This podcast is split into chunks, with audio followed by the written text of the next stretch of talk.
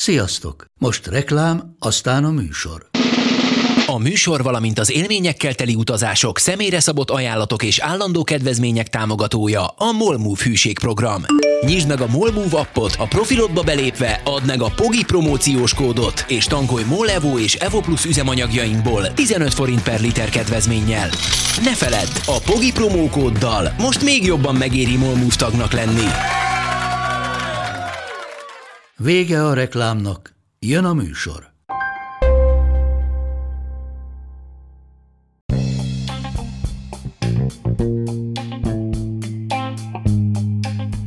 Ez itt a Pogi Podcast. Pogácsa Zoltán közgazdás, szociológus, politikai gazdaságtani podcastja a globális gazdaságról a klímaválság, az automatizáció, a digitális gazdaság, az egyenlőtlenségek és a posztdemokrácia korszakában. Az utóbbi időben mindenki az energiapolitikáról beszél, azt tanulja tulajdonképpen, főleg az orosz invázió óta, de már előtte is emelkedtek az energiaárak. Mindenki olyasmi dolgokra kíváncsi, hogy miből lesz nekünk gázunk, miből lesz olajunk, kell -e egyáltalán a gáz, az olaj, a nukleáris energia, vagy fenntarthatóra kell váltani, mennyibe fog kerülni, ki lehet-e váltani az orosz gázt más forrásokból, milyen hamar lehet kiváltani, miért van az, hogy Magyarország ilyen elképesztően egy országra van ráutalva energetika szempontjából. Szóval ilyen kérdésekre kerestem a választ, a beszélgető partnerem pedig Holoda Attila, aki elképesztően jól tudja úgy elmagyarázni az energiapolitika rendkívül bonyolult kérdéseit, meg a technikai részeit is, hogy ezt a hétköznapi ember is megértse. Holoda Attila a MOL eurázsiai üzletágának a vezetője volt, és később pedig az Orbán kormánynak az energetikai államtitkár helyettese, most pedig privát szaktanácsadással foglalkozik. Ez következik most.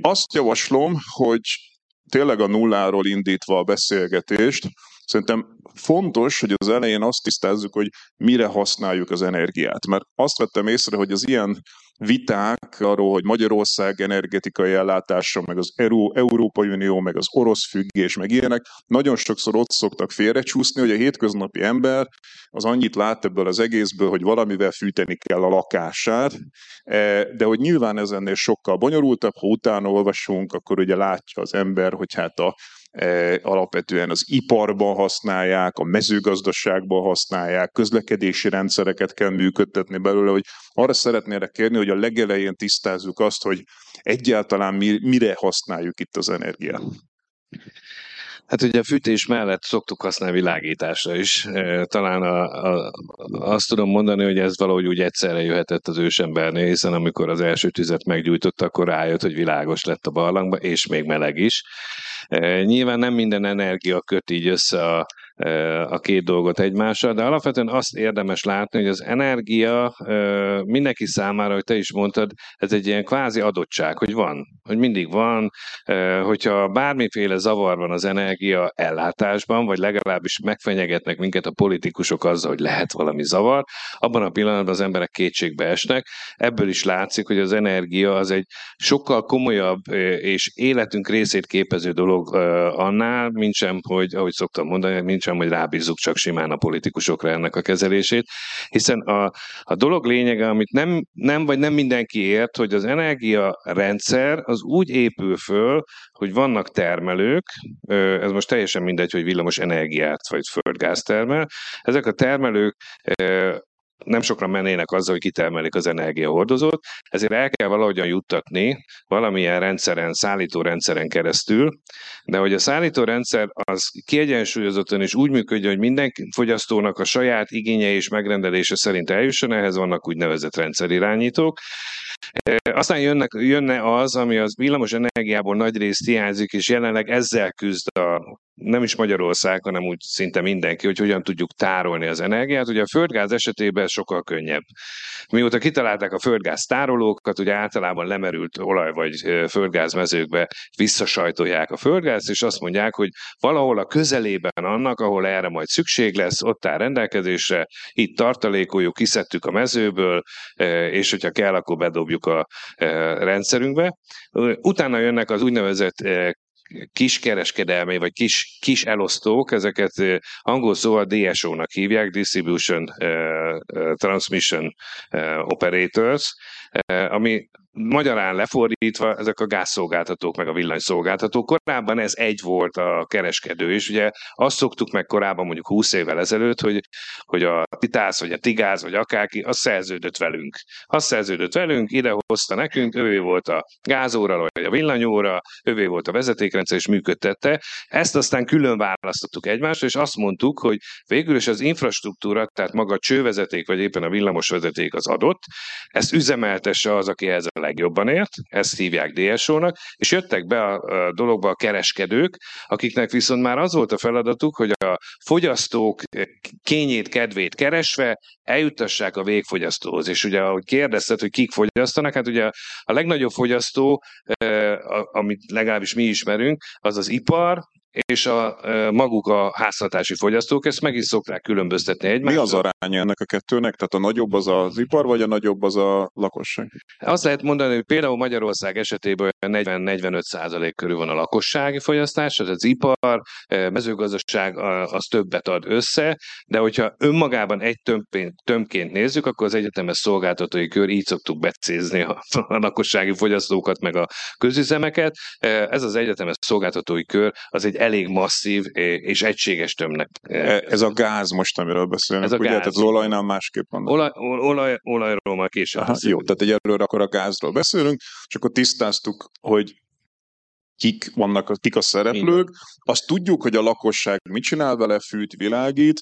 E, egyébként mire használjuk még? Tehát ugye e, a, a, azt talán érdemes lenne kifejteni, hogy az ipar mire használja, a mezőgazdaság mire használja, a közlekedés mire használja. Tehát ugye csak azért is, hogyha majd később a beszélgetés során azt a azt a fel, azzal a feltételezéssel élünk, hogy mondjuk hirtelen megszűnne a gázellátás, vagy, vagy valamilyen akadozás, akadályoztatása lenne, akkor, akkor mik azok a dolgok, amik veszélybe kerülnek? Tehát az ipar alapvetően egyébként arra használja főképpen, amire mi is. Fűt vele és világít. Csak hogy az ipari fűtés az más célú.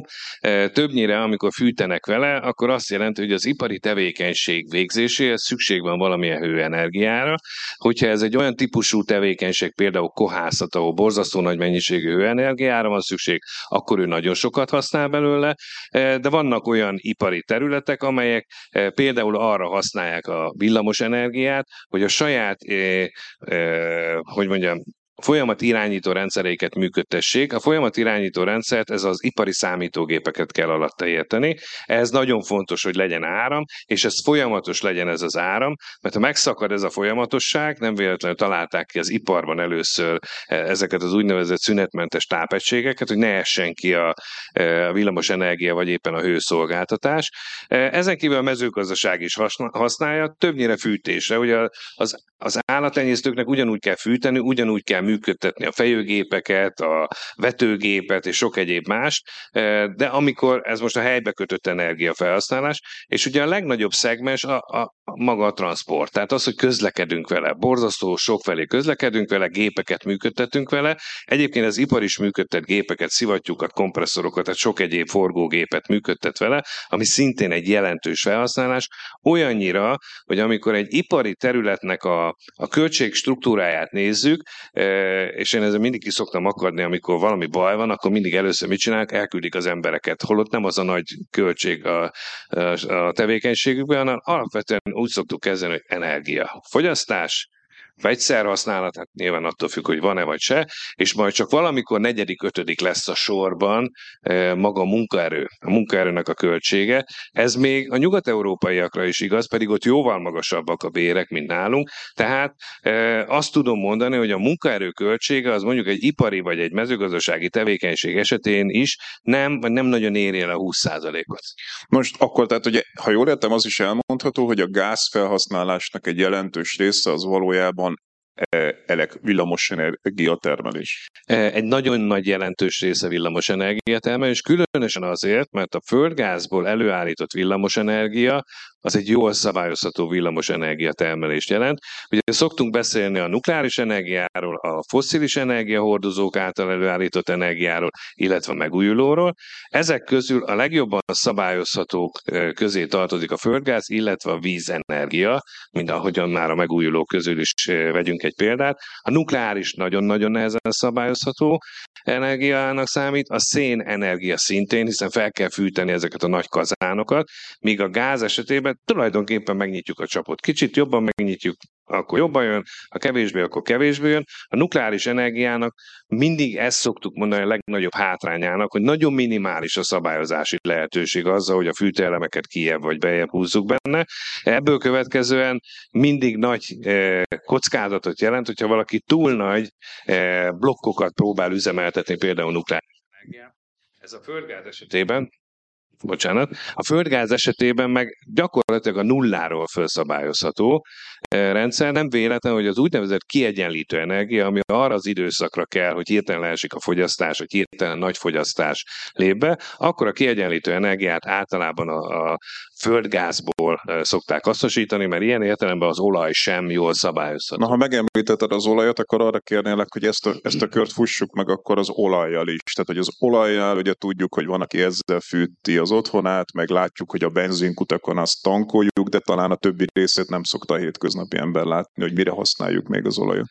Hát az olajnak a nagy felhasználási része, és hogyha valaki eh, elkezdte figyelni az utóbbi időszakban a, az úgynevezett nagy integrált olajvállalatokat, akkor azt vette észre, hogy ma már nem is annyira a benzinkút, meg nem is annyira például a fűtési célral előállított eh, termék a lényeges, hanem a műanyagipar. A, az úgynevezett petrokémiai feldolgozás gyakorlatilag azzal, hogy a műanyagipar tért hódított, azzal elindultunk abba az irányba, hogy a kőolaj sokkal inkább lett petrokémiai alapanyag, mint sem pusztán üzemanyag. Ez ma Magyarországon is igaz, hogyha kiesne az olaj, akkor nagyobb problémát okozna a műanyagipar, mint az energiaellátás? E, nagyobb problémát nem okozna, de legalább akkora problémát okozna. Ugye Magyarországon két nagy petrokémiai cégről beszélünk, az egyik a Borsodkem, a másik a MOL tulajdonában lévő TVK.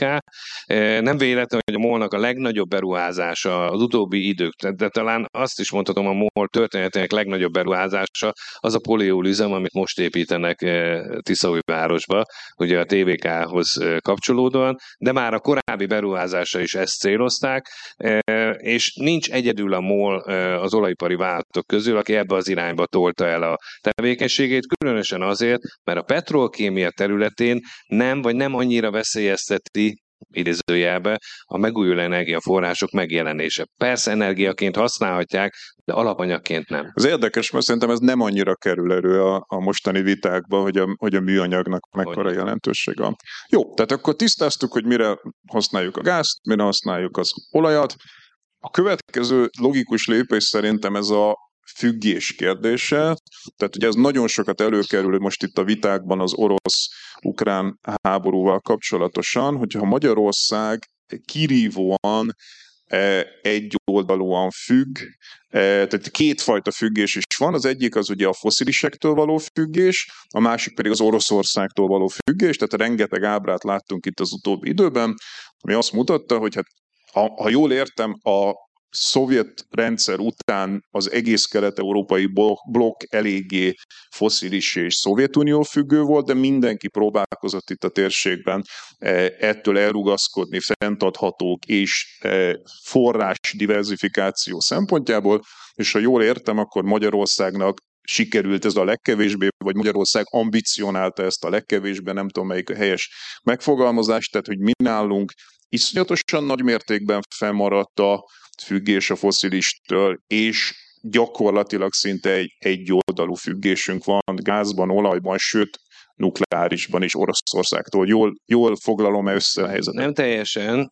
A dolognak az az érdekessége, hogy miközben, ugye ahogy te is mondtad, a függés az alapvetően a szovjet rendszerben alakult ki, még a KGS idején a bölcs és nagy Szovjetunió ellátott minket energiahordozóval, hiszen ezek a kis közép-kelet-európai országok eléggé korlátos forrásokkal rendelkeztek, már csak a területüknél fogva is.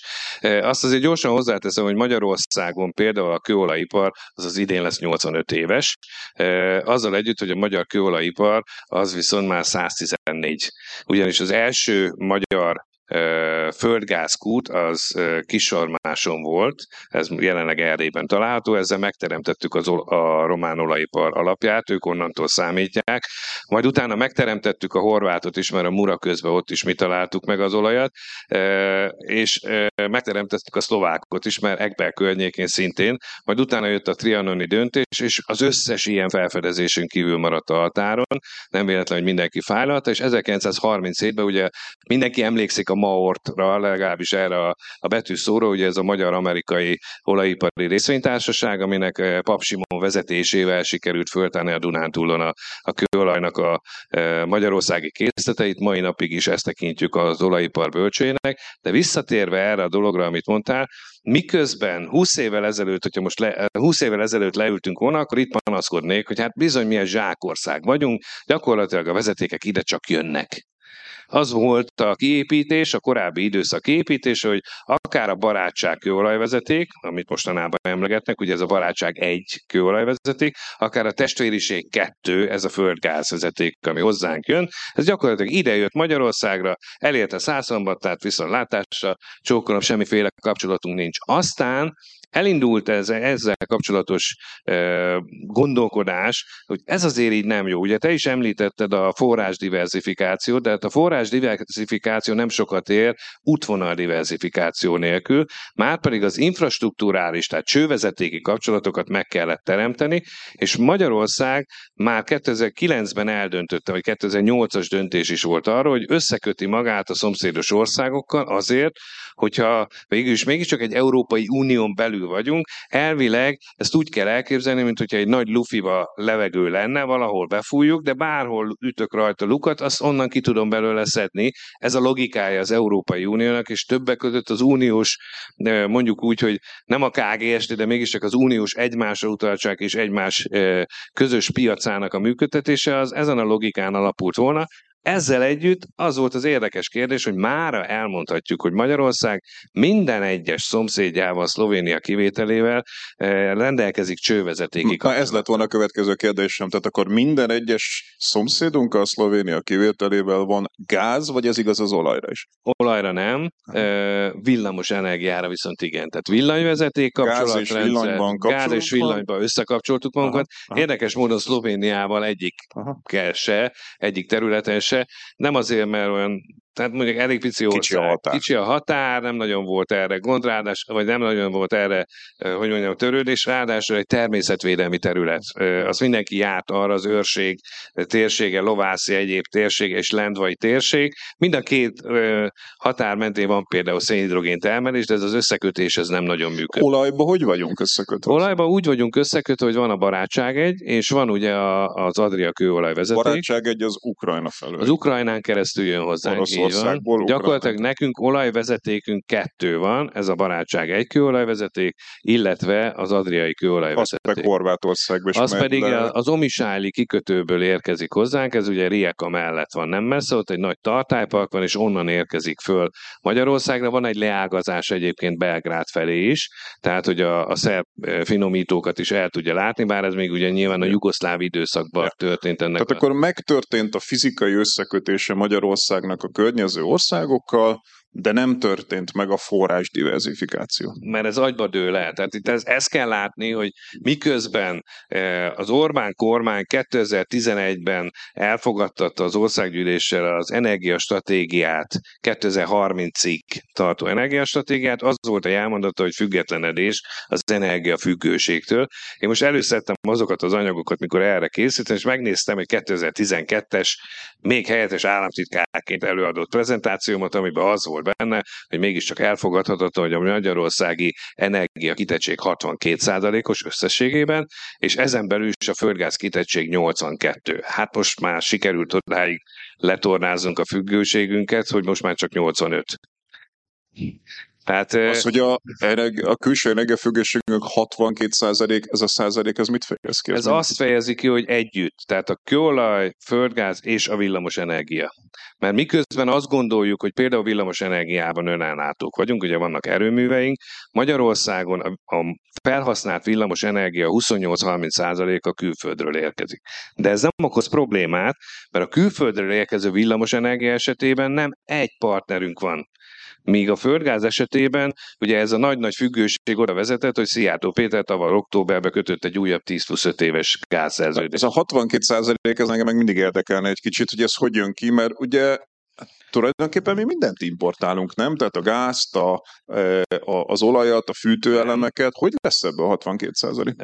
Úgy lesz ebből 62 százalék, hogy egyrészt a Magyarországon megtermelt villamos energia az mégiscsak magyar termelésű, függetlenül attól, hogy annak a nyersanyaga De ezt akartam mondani, tehát hogyha gázt importálunk függet, ahhoz, meg a, például a nukleáris fűtőelemet meg nukleáris is, fűtőelemet, akkor ez megint csak külső függés. Természetesen. Ugyanakkor van Magyarországon villamos energiatermelés mai napig is például a Mátrai erőműből, ahol minek saját forrása van. Az mivel működik?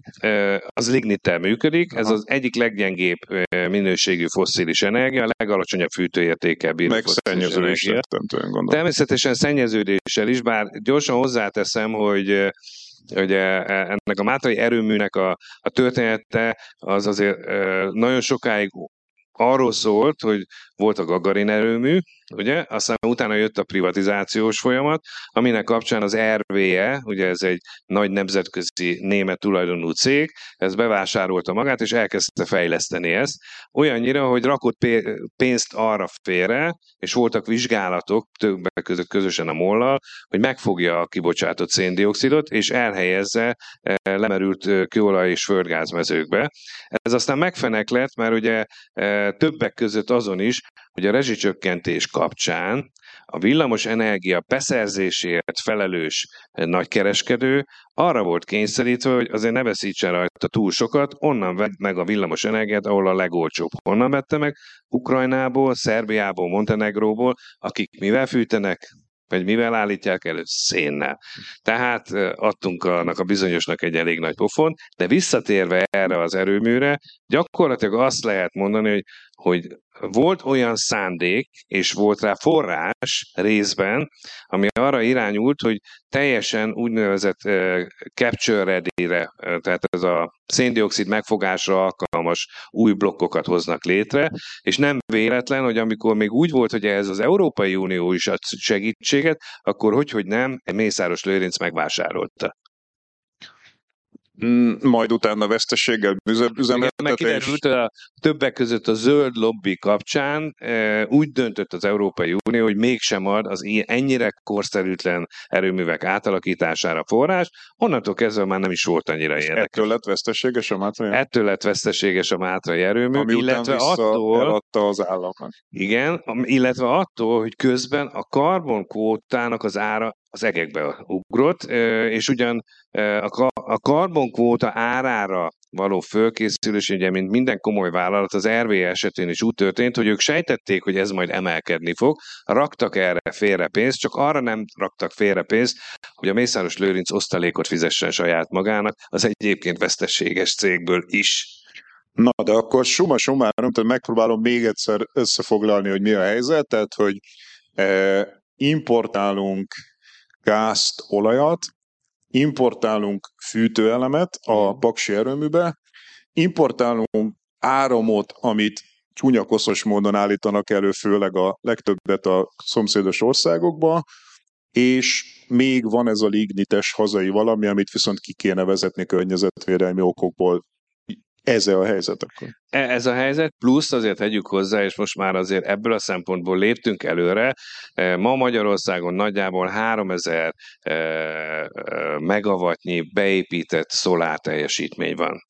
Ugyanakkor azt is gyorsan hozzá kell tenni ehhez, hogy azért mindenkinek tiszta legyen. Ennek a szolár teljesítmények nagyjából a hatásfoka 15-16 százalék. Tehát a, az, az, az, az milyen százalék? Az mit Ez azt jelenti, hogyha a teljes évre vetített teljes kapacitás kihasználtsága 15 százalékot jelent, hiszen ahogy megmondta egy bölcs államtitkár is, vagy nem is tudom ki volt az első mond, hogy éjjel nem süt a nap, mik vannak tehát az például már kiesik eleve belőle, meg hát ezek a napsütéses órák száma azért annak ellenére, hogy nálunk még mindig jobb, mint például Németországban, és hogy sokkal, de sokkal több van beépítve, nem véletlen, hogy ahol napelemeket, naperőműveket telepítenek, sokkal, de sokkal jobban felül kell tervezni a kapacitást. De ha már így megpendítetted a szolárt, egy pillanatra időzzünk el itt, mert Ugye az egy érdekes adat volt, nekem nagyon megütötte a szememet, hogy azon a napon, vagy kb. azon a napon, amikor az orosz invázió megtörtént, eh, az jelent meg a magyar sajtóba, hogy ez az egyébként nem túl nagy magyar szolár kapacitás azon a napon meghaladta a Paksi atomerőműnek a termelését. Tehát, hogy szerintem, ezt is nem tudom, hogy ez azt jelenti, hogy azon a napon éppen keveset termelt a Paksi erőmű, vagy már tényleg akkor a szolár kapacitásunk van, hogy ez már jelentékenynek mondható, mert szerintem a hétköznapi magyar embernek nem ütötte meg az inger küszöbét azt, hogy itt az elmúlt években egy akkora szolár kapacitás jött létre, ami már jelentősnek mond. Pedig szerintem ez azért látványos. Én nem tudom, hogy ki mennyire figyeli azért az, hogy nyilván nem a háztartási méretű erőművek a lényeges, hanem a, mondjuk a, a, a, amiket látunk a termőföldekre és egyebek helyekre kitelepített erőművek, amivel nekem annyi bajom van, hogy elveszi a, a termőföldet, tehát föl lehetne használni sok egyéb más, de majd beszélünk róla. Valóban e, a kettő összefüggött, akkor a Paksi atomerőmű 1500 körül ment, és nagyjából 1500-1600 volt a, a szolár Tehát az kevesebb, mint a szokásos teljesítmény. Az kevesebb, hiszen a, a Paksi atomerőmű általában blokkonként 500 és 510 e, megawatt közötti teljesítménnyel működik, és akkor az egyik blokkon éppen javítás volt, előre tervezett a semmiféle tragikus leállás, e, és akkor 1500 megawattnyi teljesítményt meghaladta a szolár teljesítmény. De ennek ellenére, ha jól veszem ki a szavaidból, az már elmondható, hogy ez, ekkor ez már nem egy elhanyagolható szolár. Ez már nem elhanyagolható, sőt, hogyha valakinek van rá ideje, a Mavir oldalán meg lehet tekinteni azt is, hogy éppen pillanatnyilag hogy néz ki, és amikor ilyen szép napsütéses nap van, mint most, akkor az mindig azzal jár, hogy van benne egy ilyen szép sárga csík, ami aztán nem sárga csík lesz, hanem mint a kishercegben a a kígyó, amelyik megevett egy elefántot kategória, tehát így, így szépen kitágul, majd utána visszajön nyilván az esti órákra, de ez azzal jár, hogy van nagyon sok olyan időszak, főleg így a nyári, eh, tavaszi időszakokban, amikor szépen süt a nap, hogy több az általunk megtermelt villamosenergia, mint a felhasznált. Ebben az esetben már mi is exportálunk villamosenergiát. Na és akkor ha már így a fenntartható, mert ugye akkor tisztáztuk, hogy a külső függőségünket azt nagyon nem sikerült ö, megváltoztatni, és ennek a nagyobb, nagy része orosz, ö, és akkor ugye a szolárban van előrelépés, és ugye azt szokták mondani a zöldek, hogy a szélben viszont egyáltalán nem, mert hogy kvázi le van tiltva a szél energia Magyarországon. Igen, ez egy, ez egy szerintem egy borzasztó hibás megközelítés, hogy hoztak ez a klasszikus okos lány, hogy hoztam is, meg nem is, tehát engedem is, meg nem is. Gyakorlatilag Magyarországon lehet szélenergia, csak 30 kilométerre a lakott területek határaitól kell. Na most ilyenkor mindig a közigazgatási határt, és nem a, nem a, a várostáblától számítják. Ebből következően én azt hiszem az Ámonadáig nézték meg, hogy talán két-három ponton lehetne le szúrni ilyen erőműveket, miközben azt is tudni kell, hogy van Magyarországon arról is egy szerintem hibás sztereotípia, hogy nálunk csak a Alpok alján vagy azon a térségen lehet szélelenergiát termelni. Én elővettem egy korabeli dokumentumot, 1920 környékén Magyarországon 687 darab szélmalom működött még és ennek jelentős része nem a kis a földön, meg azon a térségen működött, hanem az alföldi területeken. Hát ugye a Dorosmai, ha más nem, a Dorosmai szélmalmot mindenki látta már, mert az egy szép műemlék, de az alföldi térség, elsősorban Békés, Csongrád e, és a hajdúság alsó fele, az bizony nagyon komoly szélteljesítménnyel rendelkezik, és egyébként vannak is erre fölmérések, hát biztos te is találkoztál vele, hogy bemutatják, hogy mely területeken hol milyen szél várható, és nagyjából mit lehet ebből kihozni és hozzáteszem, hogy például a napelemekkel összehasonlítva a meglévő szélerőműveinknek a hasonló teljesítménye az olyan 25-26 százalékos. Tehát az előbb 15-16-ot mondtam, tehát azt tudom, mert hogy éjszaka azért még a szél legalább fújhat.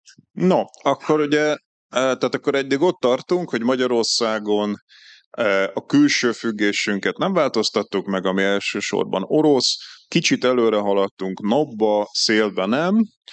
Ehhez képest ugye a térség többi országa viszont látványosan eh, többet tett mind a két területen, tehát ha az adatokat megnézi az ember, akkor a ettől a szovjet egyoldalú függéstől igyekeztek a térség országai elrugaszkodni. Magyarország miért nem? Tehát az első ilyen nagyon eh, hogy mondjam, központi és izgalmas kérdés, ami szerintem mindenki kérdezi ma Magyarországon, hogy, hogy mi, mi miért nem mozdultunk el egyrészt az egyoldalú orosz, meg külső függéstől, másrészt pedig a, a, a fenntartható felé. Ez egy borzasztó érdekes kérdés, de valószínűleg politikai motiváltságot kell mögötte keresni, de mielőtt a szél és a nap után egyből így átugranánk erre, azért említsem már meg azt a dolgot, hogy geotermális energia és vízenergia. Bármennyire meglepő, és nem mindenki számára közismert, az Európai Unió összes tagállamában az összes megtermelt megújuló energiának több mint 50%-a vízenergia, és nem nap, nem szél, és nem is geotermia. Hogy mi ebben nem vagyunk túl erősek. Hát mi ebben nagyon gyengék vagyunk. Ugye Magyarországon néhány kisebb vízerőmű van, elsősorban Tiszán telepített, ugye a Tiszaloki erőművet biztos mindenki látta már, és még nagyon nagyon ott tartunk gondolkodásban, hogy mindenki azt gondolja, hogy vízerőművet építeni az ugyanaz, mint a 88 bős nagymaros. Miközben elfogadjuk azt, hogy például a, a számítógépeink azok elképesztő módon fejlődtek, a mobiltelefonról nem is beszélve, mert ma már egy mobiltelefon komolyabb, mint az a számítógép, amivel én kezdőmérnökként először találkoztam, amiben még Winchester se volt, nem hogy 500, nem tudom hány gigabájtnyi. De akkor konkrétizáld, milyen lenne az a vízerőmű, Ez jelenti, ami, ami ellen nem vannak olyan, erőművek, vannak olyan erőművek, amelyek a lassú foly, kifejezetten a lassú folyású e, folyókra készülnek, nem szükséges hozzá olyan mértékű nagy duzzasztás, mint a, a bősi erőmű esetén. E, ugyanakkor, e, ha nyilván ha már a Paksi atomerőmű szóba került, például abban segítene egy Dél-Dunán elhelyezett erőmű, hogy a, a, a Duna vízállása az időnként Paksnál ne legyen olyan problémás. Mondjuk ettől még a melegedés problémáját nem oldottuk meg, ugye tavaly, tavaly volt, az azt hiszem, hogy elérte a 29-30 fokot a, a hőmérséklet, tehát azzal mindenképp valamit kezdeni kell, de ezzel együtt a lassú, van két nagy hozamú és lassú járású folyónk, és léteznek ma már olyan technikák a, a világban, amelyek ezek a lassú járású folyókat tudják kihasználni, nem is feltétlenül ilyen nagy monumentális erőműként, mint a Bős Nagymaros lett volna, hanem kisebb lokális erőművekként eh, rásegítve a helyi regionális rendszerekre. Jó, na ez egy érdekes adalék volt. Akkor menjünk vissza a kérdésemhez, tehát hogy miért nem mozdultunk el mi a külső függéstől és az egyoldalú orosz függéstől? Nyilvánvaló, hogy azért, mert ennek, és ezt nem mindig, nem mindenki gondol bele, ilyenkor mindig meg kell oldani egy dilemmát, vagy nem is dilemmát, inkább trilemmának mondanám. Ez úgy szokott lenni, hogy olcsó energia, diversifikáció és ellátásbiztonság. Ebből kell választani, és ahogy én, egy én barátom szokta mondani, és ebből mindig egyszerre csak kettőt lehet kiválasztani. Tehát vagy diversifikálunk, és olcsó lesz az energia, de akkor az ellátásbiztonságunk sérül, hiszen messzebbről másonnan kell beszállítani, annak bizonytalan a forrása, meg hosszú lesz az útvonal, vagy azt mondjuk, hogy olcsó és ellátásbiztonság, de akkor nem diversifikálunk, akkor oda magunkat az oroszokhoz. Ez történt Magyarország esetében. És ugye van a másik, amikor azt mondjuk, hogy diversifikált is, és ellátásbiztonság, de akkor az viszont már nem lesz olcsó, mert az bizony azzal jár, hogy újabb infrastruktúrális, vagy ahogy te mondtad, diversifikált útvonalakat és forrásokat kell megteremteni, ami pénzbe kerül. A dolognak az a szégyene, mondjuk úgy, hogy miközben Magyarország erre nagyon sok pénzt kapott. Voltak az úgynevezett PCI projektek, ez a Project of Common Interestnek nevezett energetikai projektek, ami kifejezetten azt a célt szolgált, hogy különböző infrastruktúrális összekötésekkel legyen már annyira bonyolult az infrastruktúrális rendszerünk, mint mondjuk, mint, mint mondjuk a nyugat-európaié. A nyugat-európai fogyasztóknál mondjuk egy luxemburgi fogyasztót egy szállat nem érdekel, hogy neki egy spanyol kereskedő, vagy egy portugál, vagy épp egy eh, észak-európai szállít gáz, szállít gáz, mert annyira össze van hálózva. Nálunk is sokat fejlődött, de lám, megteremtettük a kapcsolatot, és akkor ezek után mégis politikai megfontolásból nyilvánvaló, hogy összekötve például a Paks 2 beruházással és az amögötti politikai és egyéb eh, mondjuk mondjuk úgy, hogy oligarha célokkal, azt az utat választottuk, hogy akkor, akkor inkább az oroszokkal kötünk szerződést. Ami azért furcsa, mert hogyha valaki visszagondol, 2018-ban, amikor a románoknál felfedezték azt a nagy mezőt, a Neptun mezőt, akkor arra ez úgy szokott lenni, hogy ahhoz, hogy kiépítsenek valamilyen útvonalat, például egy nagyobb vezetéket, akkor hirdetnek ilyen előzetes aukciót, hogy hányan fognak erre jelentkezni, mekkora lesz ennek a megtérése, megtérül, nem térül. Ezt mindig megcsinálja mindenki, az oroszokat kivéve, ők maguknak építenek vezetéket, és akkor a nap, nem a Nabucco, hanem ez a román kapcsolatra is pályáztak többen, többek között három, három magyar kereskedő végzett az élen. Orbán Viktor ezzel fölelkesülve kiült, és azt mondta, hogy na akkor meg vagyunk oldva, diversifikációnk az tökéletes, 4 milliárd köbmétert fog termelni az a mező, tehát 4 milliárd köbméter jön Magyarországra. Na most ebbe csak a következőt nem gondolta át. A vezeték kapacitása másfél milliárd köbméter évente, tehát már nem jön át rajta 4 milliárd. E, akkoriban, amikor erről nyilatkozott, még csak egy irányú volt a vezeték, csak Romániába kifelé. E, harmadik, hogyha a románok elmennek 4 milliárd köbméter földgáz, ide fogják nekünk adni? Miért? Tehát ki az, aki ezt elhiszi?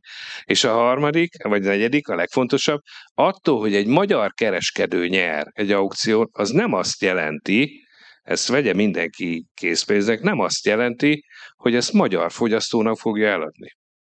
Ugye a sokat emlegetett MET, ugye ezt mindenki hallotta már a MET-et, a MET jelenleg, Magyar, jelenleg Európa 26 országába kereskedik. De mondjál pár szót a MET-ről, mert nem biztos, hogy mindenki tudja, hogy mi a MET.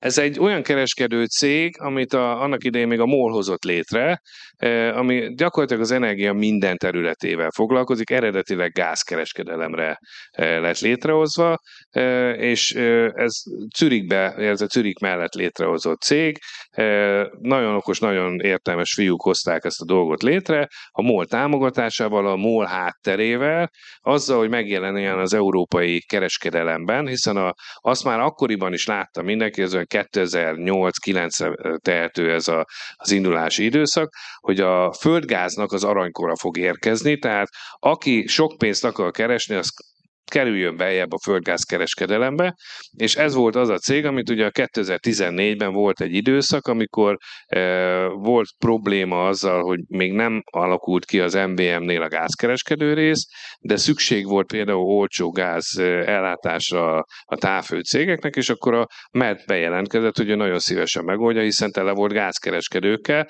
e, és aztán volt ezzel kapcsolatosan pár kiderített dolog, hogy kik állnak tulajdonosi háttérben mögötte, és ezek akkoriban az oligarra körökhöz volt köthető. Azt el tudom mondani, hogy két évvel ezelőtt a MET menedzsmentje kivásárolta ezeket a tulajdonosokat, tehát már sem a Garancsi féle csoport, sem a Csányi féle csoport, sem a MOL nincs benne a MET-be tulajdonosként. A fiúk ügyesen megtükközve tőkeemelést hajtottak végre, és kivásárolták. Ezzel együtt akkoriban ők azzal indultak, hogy Magyarország kereskedelmében egy nagyon komoly szeretet tudtak kiasítani. Ma már azt tudom mondani, hogy a, a MET teljes kereskedő, kereskedett mennyisége az eléri az 57 milliárd köbmétert. Ez, ezt a hétköznapi ember nem fogja tudni. De hogyha azt ez mondom, sok vagy kevés? Ez nagyon sok, mert hogyha azt mondom, hogy Magyarország éves teljes fogyasztása 9,5 milliárd, akkor ez borzasztó sok. Tehát látszik, hogy ha valaki elindul, és jó háttérrel indul, és van hozzá mondjuk gázforrás, és van hozzá pénzügyi forrás, meg van hozzá lehetőség, hogy mondjuk másokkal szembe kereskedjen, akkor utána már megszilárdította és a akkor ezt, ezt viszont akkor eladják, azt mondtad, hogy 20 valahány országban Tehát gyakorlatilag 20 valány országban kereskednek ekkora mennyiséggel, tehát látszik, hogy a magyar kereskedelmi részük az már gyakorlatilag elenyésző, ilyen 5-6 És százalék. Oroszországból veszik ezt a gázt, vagy honnan? Ö, Mindenhonnan. Mindenhonnan. Tehát mindenhonnan vesznek, és Tehát ők mindenhonnan vesznek gáz, Európában mindenhonnan vesznek gáz, és mindenhova visznek gáz. Tehát akkor ez tulajdonképpen a, a molnak egy vetétársa. A molnak nem vetétása, ugyanis a, a mol nem kereskedik gázzal. Akkor kinek a vetétársa? Hát például az MVM-nek. MVM-nek. Az MVM gáz oldali részének, ezt most jelenleg Synergy-nek hívják, tehát az MVM, mint nagykereskedő felel azért, hogy például az egyetemes szolgáltatókat ellássa, és nagykereskedőként ő kötötte, nem a félreértések elkerülése véget nem a Szijjártó Péter köti a szerződést, hanem az MVM és a Gazprom, Ami egy állami cég az MVM. ami egy állami cég, így van. No, tehát akkor azt mondod, hogy politikai és gazdasági érdekek miatt nem diversifikáltunk. Egy picit még ott meg akartalak állítani, hogy ugye mondtad ezt a trilemmát, hogy ebből a háromból csak kettőt lehet, hogyha itt zöldek ülnek, már pedig ülnek, akkor ugye azt nyilván az eszükbe fog jutni, hogy ez addig igaz, ameddig hagyományos foszilis ben gondolkodunk, de decentralizált, fenntartható energia mellett szerintem nem feltétlenül igaz, mert hogyha mondjuk azok a szolár kapacitások nem a mezőn lennének, ahogy mondtad, hanem a házunk tetején, hogyha lenne szél, saját kicsi decentralizált szélerőmű, ha lenne e, földből jövő fűtés, e, stb. stb., akkor, akkor lehetne diversifikált is, olcsó is, mi volt a harmadik? Tehát a diversifikáció, ellátásbiztonság is. Ellátásbiztonság még jobban lenne, mert nem, függ, még egy nem függnél egy nagy központi, eloszt, központi cégtől, olcsó is lenne, tehát minden három teljesen. Sőt, azt tudom neked mondani, ugye te azt kérdezted, hogy akkoriban miért így döntöttek, arra mondtam én ezt a trilemmát, de van most jelenleg az Európai Unió is ezzel a trilemmával küzd, olcsó, ugyanígy, energiafüggetlenség és klímavédelem. Tehát bejött a harmadik eh, pozícióként a klímavédelem, és nyilván ehhez kapcsolódóan a megújuló energiáknak a minél nagyobb bevonása. Tehát akkor azzal egyetértesz, hogy az igazi fenntartható megoldás az a fenntartható energia felé való minél gyorsabb és radikálisabb Igen, elmozdulás. ez egy érdekes megközelítés, ezzel mindig jót szoktam mosolyogni, hogy, hogy mi a fenntartható energia és mi a nem. Végülis az olaj, az olaj is fenntartható, az is újra termelődik, még megújulónak is mondanám, csak hogy pár száz millió évet kell rá várni. Én ráérek, tehát ezzel együtt való igaz, hogy hogy a fenntartható energiák közé most ugye besorolták a gázt, eh, illetve a nukleáris energiát is bizonyos korlátokkal, de alapvetően mégiscsak az lenne a cél, nem csak azért, még egyszer hozzáteszem, hogy nem csak a klímavédelmi célok miatt, hanem azért is, amit te mondtál, az energia függetlenség miatt.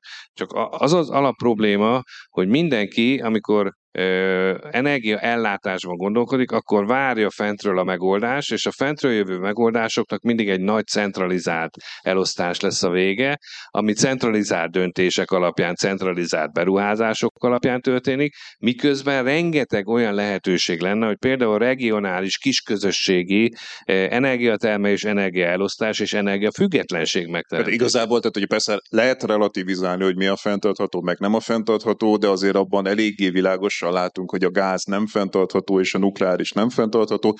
Az lehet, hogy ezt most belepréselték az Európai Uniónak a no- nomenklatúrájába, de hát ezen mindenki mosolygott, sőt, amikor a lengyelek konkrétan azzal is bepróbálkoztak, hogy a szenet is belevegyék ebbe, akkor viszont már hangosan nevettünk. Tehát, eh, tehát azért, azért, eh, azért szerintem eléggé világos, hogy, a, hogy mi az, ami fenntartható, és mi az, Igen, ami de e, az emberek fejében a fenntarthatóság azzal függ össze, hogy elfogynak a készletek, ugye? Amikor én e, fiatal mérnökként kezdtem, akkor indult el Magyarországon lefelé a, a, a, a foszilis energia termelés, a szénhidrogén termelés, és mindenki azt mondta, hogy most lettél olajmérnök, hogy lehetsz ilyen hülye, hát mindjárt elfogy az olaj.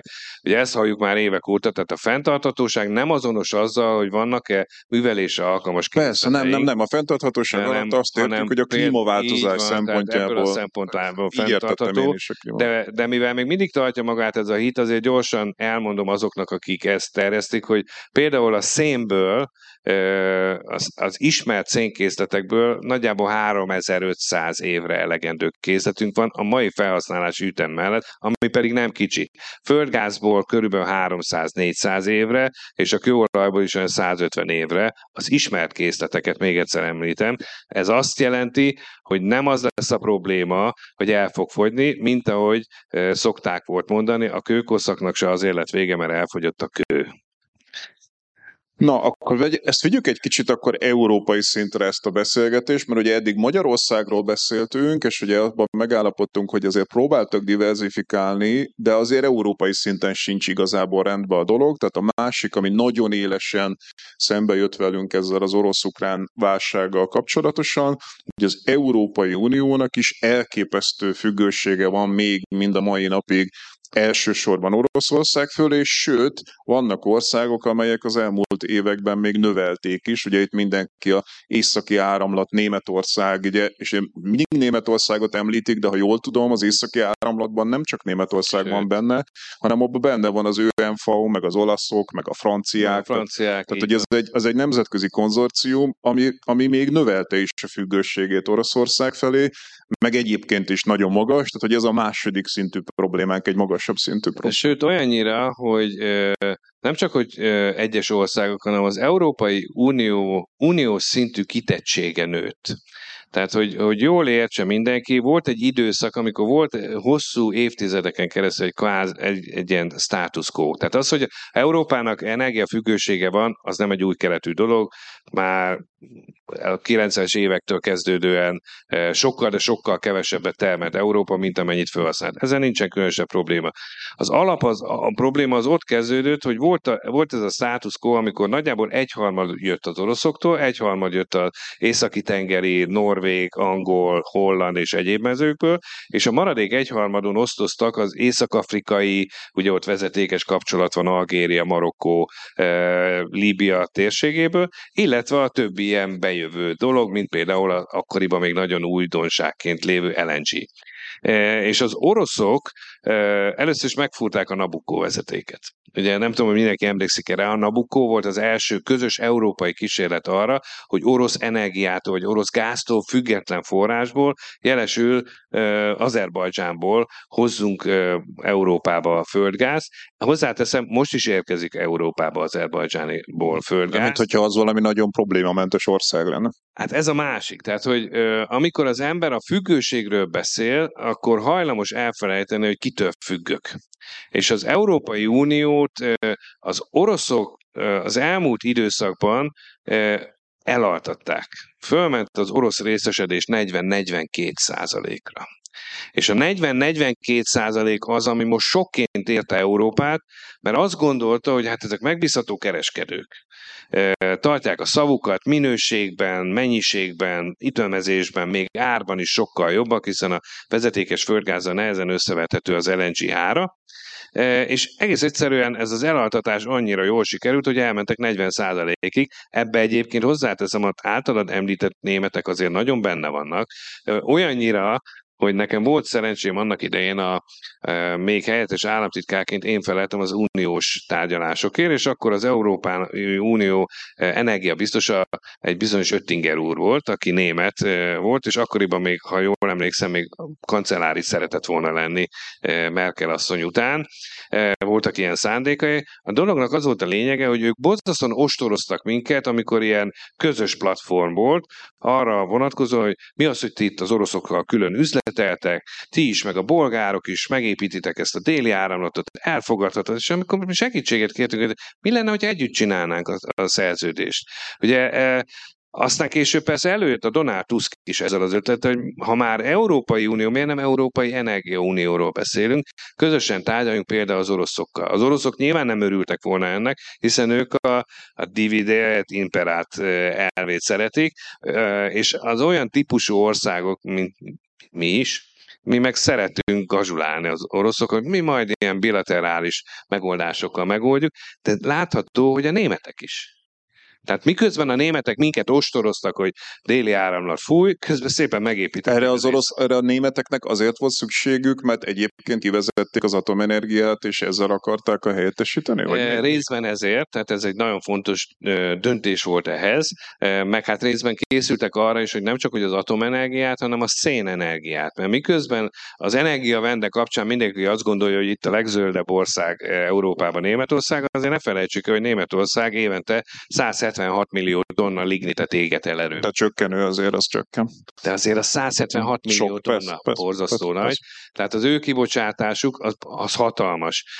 Nekem lennének grafikonjaim, de direkt most nem hoztam ilyet, amikor megmutatnám azt, hogy például Franciaország e, CO2 kibocsátása, meg Németországé hogy néz ki, nagyjából egy olyan hatszoros a különbség a napi átlagban. Aha. Na, akkor haladjunk, mert az időnk is halad. Ugye beült ez az orosz invázió Ukrajnába. És akkor onnantól fogva, hogy mindenki azt a két kérdést teszi fel, hogy az oroszok elzárhatják-e a csapot a másik oldalon, meg hogy mi a végén le tudunk-e mondani róla. Szerintem először vegyük az elsőt, tehát ugye arról is nagy viták voltak, láttam a e, Plecser Tamással és másokkal a vitáidat, hogy, e, hogy elzárhatók-e ezek egyáltalán. A hétköznapi ember fejében az úgy működik, vagy úgy, úgy van ott, hogy egyszer csak Putyin elzárja ezeket a csapokat. Mi az, ami elzárható, és mi az, ami nem elzárható? E, igen, ugye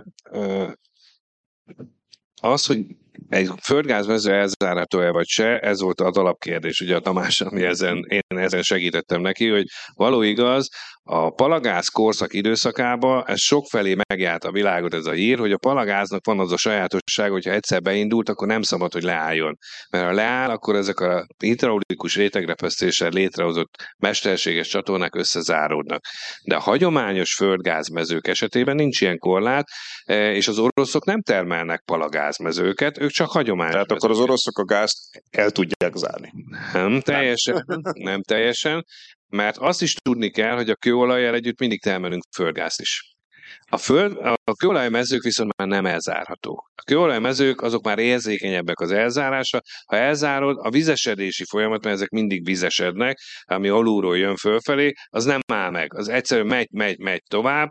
Nem véletlen, hogy például a gáztárolókban ezért szoktuk emlegetni a párnagáz. Biztos hallottam már mindenki párnagáz, milyen aranyos neve van. Párnagáz, annak pontosan az a funkciója, hogy amikor a gáz kiszedjük belőle, akkor se engedje nagyon be a vizet a, a pórusos térfogatba, de a kőolajmezők esetében ez problémát Tehát jelent. azt, ami a kőolajhoz leállják a kő, leállítják a kőolajmezőket, és az ahhoz kötődő földgáz, ami azért egyre jelentősebb, Aha. az viszont már... Az A viszont már- kőolajmezőhöz kötődő gáz nem leállítható, a, az a egyéb sima gáz, gáz, viszont a igen. normál gázmezők, a gáz és gázkondenzátum mezők, Azok azok leállíthatók. A másik oldali kérdés az pedig ugye, hogy mi le tudunk-e válni, és hogy milyen időtávon belül tudunk leválni. Ezt gondolom, hogy irtozatosan bonyolult kérdés, én ezt pontosan tudom, de hát ugye felmerült, tehát ez a mai, mai a, e- ennek a időpillanatnak ez az aktuális kérdés, hogy mi De, le de akkor még térjünk vissza oda az oroszok oldalára, mert azzal is szoktak érvelni, hogy nem baj, mert megveszik a kínaiak. Hát ha kínaiak meg tudnák venni, akkor megvették volna eddig is. A Kína hallatlan eh, energiafaló. Tehát a, a világ legnagyobb energiafalója, hogyha azt mondom, hogy jelenleg Kína energiafogyasztása majdnem háromszorosa az Európai Unió teljes, sőt, Európa teljes fogyasztásának, akkor el lehet képzelni, hogy ez mekkora. Úgy, hogy nincsen, csak éppen alig vannak vezetékeik. Most építettek ők is egy eh, északi áramlathoz mérhető valami vezetéket. Szibéria ereje, Szibéria vagy ereje kettő, így van, de az, az csak 50, az 50 milliárd köbméter. Miközben. Európa fogyaszt majdnem 200 milliárdot az orosz gázból. Tehát, hogy nem lehet, az, az, amit szoktak mondani, hogy majd megveszik a kínaiak, az azért nem lehetséges, Mert a hozzá. szállító kapacitás olyan vékony, hogy azt, az, az nem Vékony is, meg messze van. Tehát a nyugat-szibériai mező Kínától való távolsága az ilyen 7 6-7 ezer kilométer, szóval Hmm. nem olyan egyszerű egy ilyen vezetéket megépíteni, és csak gondoljatok bele, csak az északi áramlatnak az egyik ágának a megépítése 12 milliárd euróba került, az pontosan annyi, mint a Paks atomerőmű. Hm. Paks 2. Hm.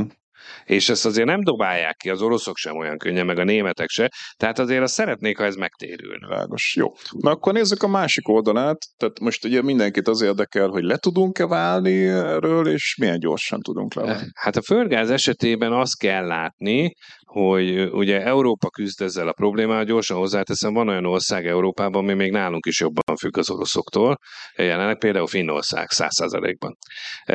De az Európai Unió egységes infrastruktúrális kezelése segíthet abban, hogy például hozzájuthassunk azokhoz a forrásokhoz, amelyeket lefejtenek akár egy lengyel, akár egy francia, akár egy portugál, vagy bármilyen LNG területen, de nagyon fontos tudni azt is, hogy az LNG önmagában nem váltja ki ezt. Tehát az LNG-vel nem lehet kiváltani a vezetékes gáz, tehát új forrásokat kell keresni, illetve a meglévőt bővíteni. Itt Például... Miért nem, miért nem váltja ki az LNG? Mert ugye az tele van a sajtó ezzel, hogy akkor majd LNG-re váltunk. Miért nem tudunk? A nagyságrend miatt. Egyrészt az LNG azt azért nem zsákba hozzák. Tehát egyrészt Mondjuk el két szóba, hogy mi az LNG, mert itt dobálozunk ezzel. Az Liquefied Natural Gas, az azt jelenti, hogy folyékony földgáz.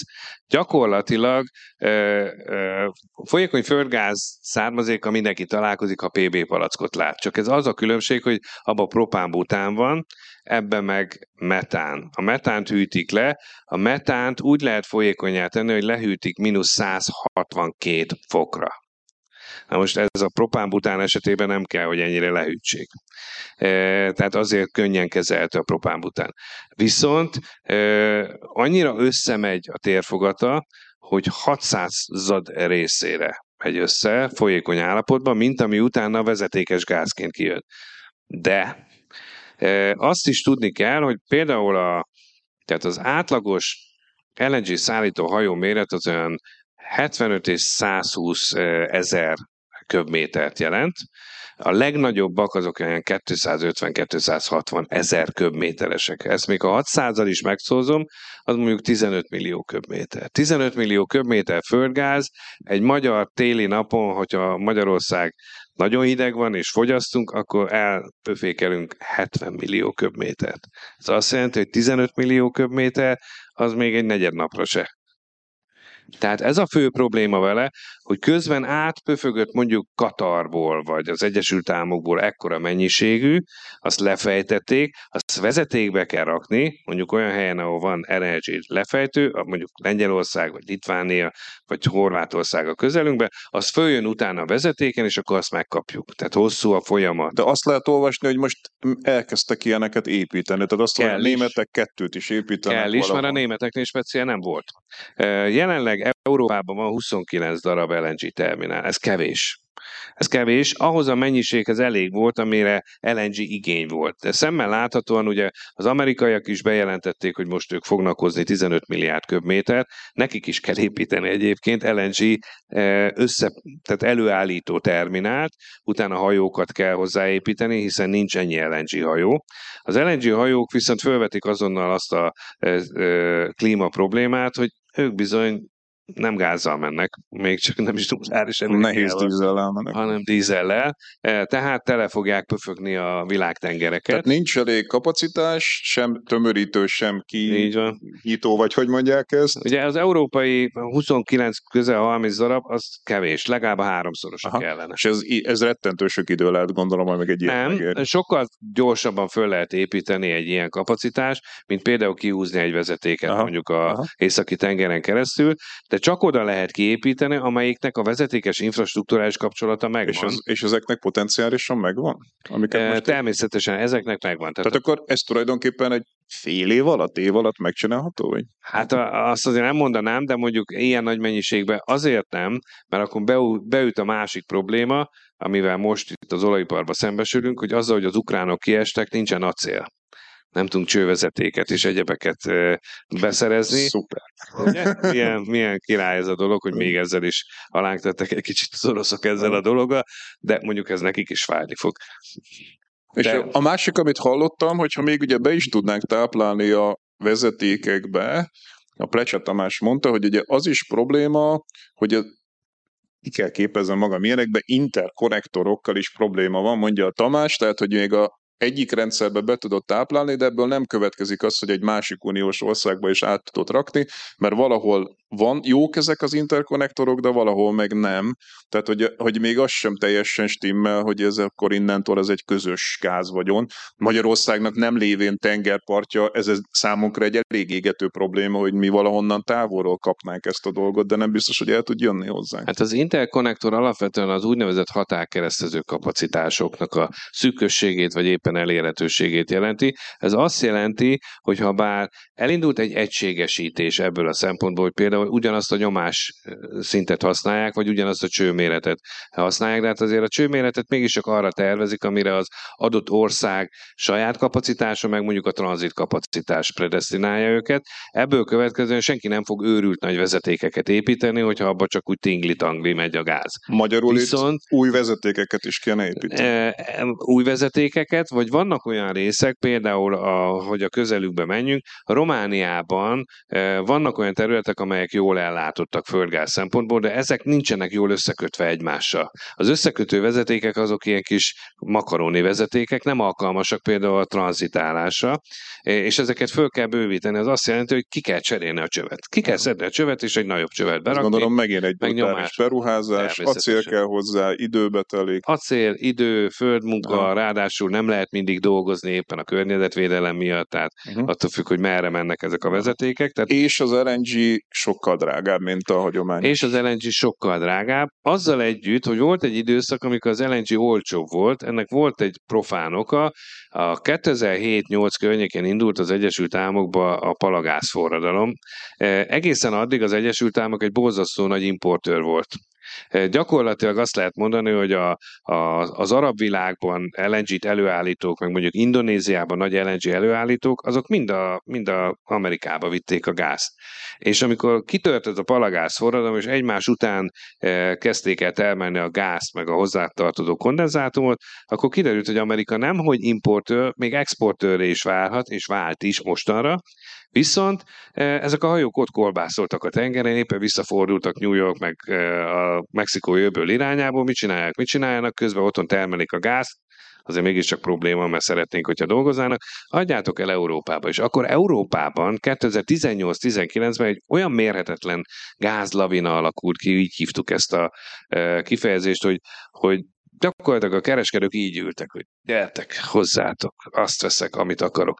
Elaltatták ezzel is az oroszok. Ha jól értem, amit mondasz, akkor ha ide LNG jönne, már pedig ebbe gondolkodnak, és ennek egy nagy része amerikai lenne, akkor az ráadásul pala LNG is lenne. Természetesen. Gyorsan hozzáteszem. Ami egy iszonyatosan környezetszennyező dolog.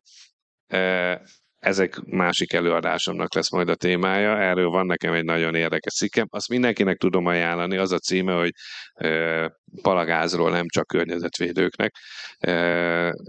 Van egy blogom, és ott írtam, ez egy nagyon hosszú cikk, amiben ezeket a félreértéseket elhárítja, különösen azért, mert például az európai palagáz az nem is palagáz, hanem nem hagyományos gáz. Úgy szoktam mondani, ez olyan, mint a rovar meg a bogár. Minden palagáz nem hagyományos gáz, de nem minden nem hagyományos gáz palagáz, csak így hívjuk, mert ez az egyszerűbb, az újságírók ezt a hat betűt vagy hetet meg tudják jegyezni, és mindent lepalagázozunk, és a hidraulikus rétegrepesztés miatt mondják, hogy, hogy ez veszélyes. Gyorsan hozzáteszem, de maga a gáz az ugyanolyan metán. Tehát nincs különbség hát, benne. teszi a, igen, tehát hogy maga az, a kibányászásról mondják a, a zöldek, hogy az nagyon környezetszennyező. Messze vissza ez a dolog, nekiálltunk ennek is, de el tudom mondani, hogy, hogy ez, ebben nagyon erős csúsztatások vannak, ugyanis a hidraulikus rétegrepesztés az, ami a zöldeknek ugye mindig bántja a szemét, ez azt jelenti, csak hogy világos legyen, hogy olyan rossz az úgynevezett áteresztő képesség a pórus térfogatok között, hogy nem kommunikálnak kommunikálnak egymással. Mondok rá példát, amikor a makói gázmezőt megtalálták, ez a 80-as évek elején volt, akkor ez úgy történt, hogy megtalálták a makói gázmezőt, ráadásul világbankos fúrás, feltárták, égett a fákja, megvan a gáz, mindenki elment pesgőzni, reggel jöttek és elfogyott, hol van. Na, akkor biztos elrontottak valamit a fúrósok, megint majd ott megtisztogatták. Megint jött egy ideig, megint pesgő, megint elállt. Csak akkor még nem tudtuk, hogy ez, ez, ez a, hogy így hívják. E, és a dolognak az a lényege, hogy olyan rossz az áteresztő képesség, hogy például ennek a falnak jobb az áteresztő képessége földgáz tekintetében, e, mint azoknak a kőzeteknek, amelyek tárolják ezt a földgázt. Ez ott maradt, ahol képződött. És ahhoz, hogy én ki tudjam szedni, ahhoz nekem mesterséges csatornát kell létrehozni, ezt hívják hidraulikus rétegrepesztésnek. A hidraulikus rétegrepesztéshez folyadékot nyomnak le, gyorsan hozzáteszem, van olyan hidraulikus rétegrepesztés, amikor szintiszta vizet használunk hozzá. És a repesztéshez természetesen használnak a könnyítéséhez úgynevezett veszélyes anyagokat, ezek a vegyi anyagok, amelyek viszont olyan alacsony koncentrációban vannak, hogy egy hidraulikus rétegrepesztő folyadéknak a 99,49%-a tiszta víz és homok. A maradék az, ami vegyi anyag, és persze ezek között vannak olyanok, amelyek nagy mennyiségben rákkeltők, de el tudnám sorolni, most nem hoztam ezt az előadásomat, pedig nagyon érdekes, ajánlom mindenki olvassa el, ezek olyan anyagok például, mint ami a női rúzsban benne van. Tehát ezek úgy rákeltők, hogyha egy kislánynak azt mondják, hogy ha a születésétől fogva minden nap megeszel egy női rúst, akkor 18 éves korodra rákos leszel. Rákkeltő anyag. Ugye? Csak hogy ez olyan pici koncentrációban van, hogy ez önmagában nem okoz problémát. Ami problémát okozott, az az amerikai palagáz forradalom. Nem tudom, hogy látta valaki, a Discovery-n volt egy időben egy ilyen sorozat, amikor e, idióta amerikai farmerek azon versenyeztek, hogy kitalál hamarabb olajat vagy gázt a saját földjén. Mindenféle szakmai hozzáértés nélkül. Fúróberendezése volt pénze, oda jött, fúrjál, fúrjál, fúrjál, megtalálták a palagázt, megrepesztették, csak hogy az amerikai kontinens, kontinentális geológia az teljesen más, mint például az európai. Amerikában nagyon közel vannak egymáshoz a vízadó rétegek, meg a földgáz, palagáz rétegek. Ebből következően, amikor a repesztést megcsinálták, ráadásul borzasztó rossz, rossz fegyelemmel, nem a poroszos, németes, európai fegyelemmel, olyanok, akik nem is értettek hozzá, összerepesztették, és megjelent például texasi, meg más területeken, Észak-Dakotába, itt ott, ott a gáz a vízbe és megölte az állatokat. Tehát metán jelent meg az ivóvízbázisban. Na most Magyarországon az ivóvízbázis az körülbelül ugyanabban a mélységben található, ez olyan 1200-tól 2500 méterig. Viszont a, a, az európai kontinensen a palagáz előfordulások 3500 méternél lejjebb vannak. Na most egy, erre mondja az ember, hogy de nem baj, de összerepeszted. Egy sikeres repesztés, ha 50 métert meghaladja, akkor már mindenki örül, mint kismajom a falkának. Nem tudunk ezer métert repeszteni. Nem lehet, Magyarországon, Európában nem lehet összerepeszteni, egész egyszerűen fizikailag Jó, nem tudunk. de hogy ez az amerikai palagáz, de ez egy kitérő, szerintem térjünk Kitérő, vissza. nem baj. térjünk. Nem volt ez egy Kérdezték. haszontalan dolog, szerintem ez valami fontos, hogy ezeket minél többen megértsük. E, és akkor az utolsó kérdésem lenne, hogy visszatérjünk, e, akkor mi lesz szerinted? Tehát ugye azt mondtad, hogy e, ki akarják váltani az orosz forrást elsősorban LNG-vel, de azt veszem ki a szavaidból, hogy ez kevés. kevés is, lassú is, drága is lesz, megdobja az árakat. Mi lesz akkor reálisan? Tehát mi fog itt akkor, ugye az Unió most elég határozottan el akar válni, szerinted mi egy reális szenárió? A reális szenárió mindig az, hogy azt nézzük meg, hogy kell nekünk ennyi gáz fogyasztani. Tudom, ezt az ellenzéknek mindig a szemére hányták, de valójában pocsékoljuk a gázt. Hozzáteszem az oroszok meg még jobban, mint mi. Tehát a 170 milliós Oroszország annyi gázt használ el évente, mint az 500 milliós Európa. Már ott rezsicsökkentés van, kérem. Tényleg fillérekbe kerül gáz, ezért pocsékolják is. De visszatérve erre a dologra, érdemes megnézni, hogy van-e saját forrás Európában. A jelenlegi gázárak mellett rengeteg olyan mező van, amit azért hagytak ott, mert egész egyszerűen nem érte meg a kitermelés. Ugye azt kell tudni, hogy egy mező minél régebbi, annál inkább ugye elfogy a rétegenergia, kompresszort kell használni, kompresszor használat pénzbe kerül, stb., tehát annál drágább lesz. De ilyen költségek mellett már, vagy ennél egy picivel alacsonyabb költségek mellett is már ezeket a mezőket újra Ezek lehet. hol vannak? Hollandiában? Ezek Hollandiában, Magyarországon, sok egyéb más területen hmm. vannak ilyen elhagyott mezők, vagy felhagyott mezők. A másik, vannak még új felfedezések, például a földközi tengeren van ugye az a Ciprus, Izrael és Törökország hármas által felfedezett óriási nagy készletek. Ez nem tudnak megegyezni, mert pénzkérdés, meg hatalom, meg villongás, meg minden egyéb. Ha lesz rá piac, akkor tudja, hogy meg fognak egyezni. És ami pluszba jön hozzá, hogy ugye a csővezetéki kapcsolat mégiscsak az a legstabilabb, a legolcsóbb, stb. El kell jutni újabb plusz csővezetékekkel Közép-Ázsiába, elsősorban Azerbajdzsán, Türkmenisztán, Irán e, térségében. Egyik jobb, mint a másik. Hatalmas, de hogyha, ezek, ezek de hogyha nem egyel köt szerződés, nem egyel, hanem azt mondod, hogy te is, meg te is, meg te is, plusz még van nekem a források. Én azt mondtam erre, hogy, hogy persze tudom, most az Európai Unióban mindenki haragszik az oroszokra, teljesen joggal, én is haragszom rájuk, pedig én ott végeztem egyetemet, hogy, hogy az azért egy nyugodtan kezelhető dolog lehet, hogyha az oroszok részesedését leszorítjuk 20% alá. 20%-kal már nem, nem embereskedik Putyin se. Higgyük el, én meggyőződésem, a 40%-os kitettségnél azt mondta Putyin, mehet a háború. Tehát akkor azt mondod, hogy belső, le kell szorítani belső, ezt, belső források, forrásokat, LNG belső, belső források, gázvezeték sok De a legelső meg kell spórolni meg a kell gázt. spórolni a gázt. Oké. Okay.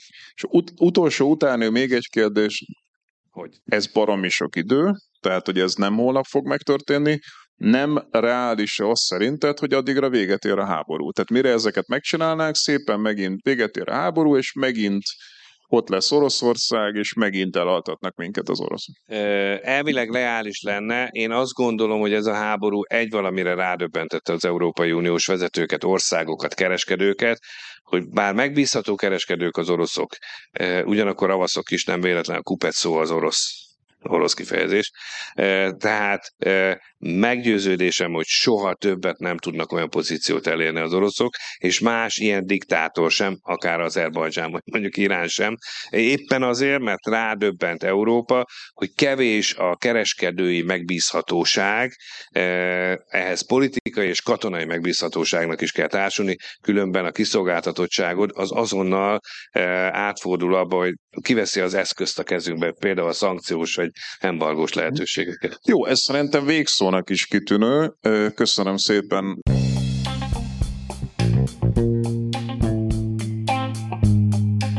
Ez volt ma a Pogi Podcast. Ha vitába szállnál az elhangzottakkal, vagy témát javasolnál, keresd a Pogi blog oldalt a Facebookon. Ha támogatnád a podcastot, azt a www.patreon.com per Pogi Podcast oldalon teheted meg. Köszönjük! Ha más podcastekre is kíváncsi vagy, hallgassd meg a Béton műsor ajánlóját. El tudod képzelni, hogy a podcastet, amit éppen most hallgattál, fél év múlva már a mesterséges intelligencia generálja? Mi sem. De ha érdekel, eljötte már a gépek lázadása. Hallgass bele az Embertelen podcastbe. Orsós Lajos vagyok, a műsor házigazdája. Egyelőre még élőben. Egyelőre. Fedezzük fel együtt, hogyan ismerkedik, randizik, mesél és vitatkozik Betty és Péter, két teljesen mesterséges intelligencia. Lajos, a podcast címét mond még egyszer, Léci. Oké. Okay. Embertelen podcast. Ez a műsor a Béton közösség tagja.